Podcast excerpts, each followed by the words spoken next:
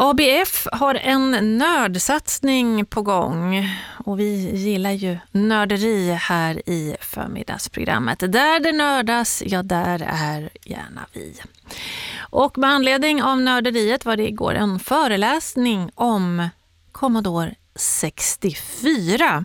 Ja, Alfred, du har letat upp den här eh, föreläsaren som eh, snackade om ämnet igår. Ja, men det har jag gjort och han finns här borta, Anders Hesselblom. Han sitter i soffan här i en eh, foyer. Det är eh, Nethouse i Örebro vi finns hos. Han sitter här och nästan håller om eh, eh sin Commodore 64. Eller han har ställt den så fint på bordet framför sig här.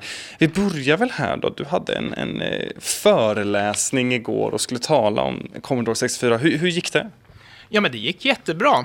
Eh, det är kul att se att det finns fler som är intresserade av de här gamla maskinerna och det är ju alltid trevligt att få omge sig med folk som har samma obskyra intresse, så det var jättekul. Men om vi tar det så här då, för den som inte vet vad en Commodore 64 är, beskriv den eh, med dina ord.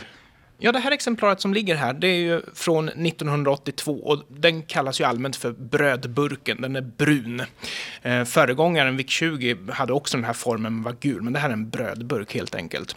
Eh, ja, en dator som innehåller moderkort och alltihopa i ett. Tangentbordet sitter ovanpå, så man har liksom ett paket som man kan bära med sig. Det enda som saknas är ju tvn då som man kopplar in den i. Och vi hörde förut här att Malin sa att eh, världens mest sålda hemdator är det genom alla tider. Eller det vill, man, det vill man tro i alla fall. Man tror att man har mätt sig fram till det. Och då undrar man egentligen, vad är en hemdator? Ja, det där är lite svårt att säga. Jag nämnde igår att jag tyckte att Commodore 65, en maskin som aldrig kom ut på marknaden men som tillverkades 92, skulle vara den sista hemdatorn. Men jag är inte riktigt säker. Det som gör den här lite speciell är att när man knäpper på den så möts man ju av en konsol, en markör som blinkar. Medan datorer idag, de botar ju upp ett operativsystem och det är ofta någon form av grafiskt användargränssnitt. Men den här har de egenskaper som man skulle begära av att kunna spela enklare spel och den har allting i romen och den har egentligen inget riktigt operativsystem utan det är en basic-tolk man, man möts av, så man skriver kommandon till den helt enkelt. Så någonstans i det segmentet skulle ju vara en hemdator då. Och eh, den marknadsfördes ju för att man skulle kunna ha lite roligt med den och att man skulle kunna lära sig saker med den. Och det var ju därför den sålde förmodligen bättre än Nintendo, för Nintendo var ju bara en spelmaskin, men det här är ju en riktig dator inom citation då. Och datorn här, eller brödburken som du sa, den tillverkades alltså 1982 till 1992 i tio års tid. Och vad är det då som är så fantastiskt med den som, som fick den att kanske bli världens mest sålda hemdator? Ja, det här var ju liksom extra allt när den kom ut. Den hade färggrafik, den hade högupplöst grafik, vilket i dagens mått mätt definitivt inte är högupplöst. Den hade sprites, alltså rörlig grafik och ett fantastiskt ljud.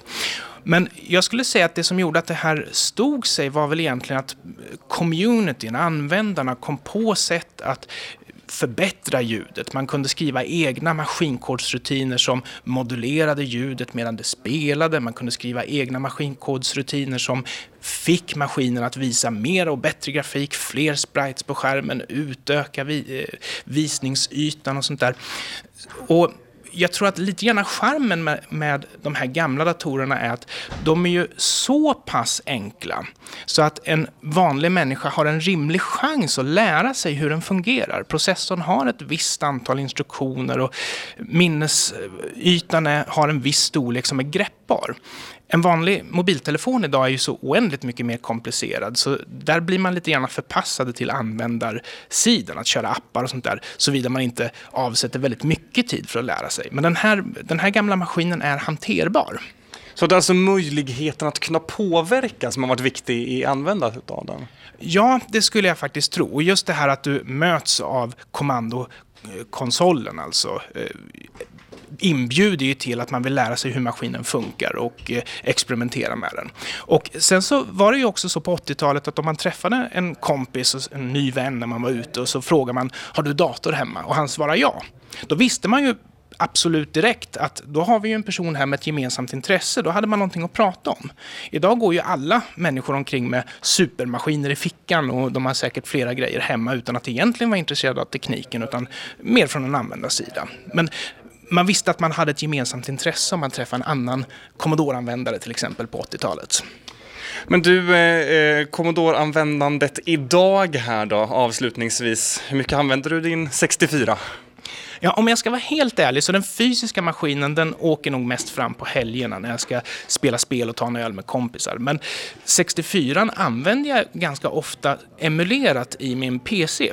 Det är roligt att sitta och programmera och sånt där. Och det är en levande community. Det kommer fortfarande ut nya spel. Man kan ladda hem dem gratis från nätet för det är ingen som försöker sälja spel till Commodore 64 längre. Så ofta är mitt svar.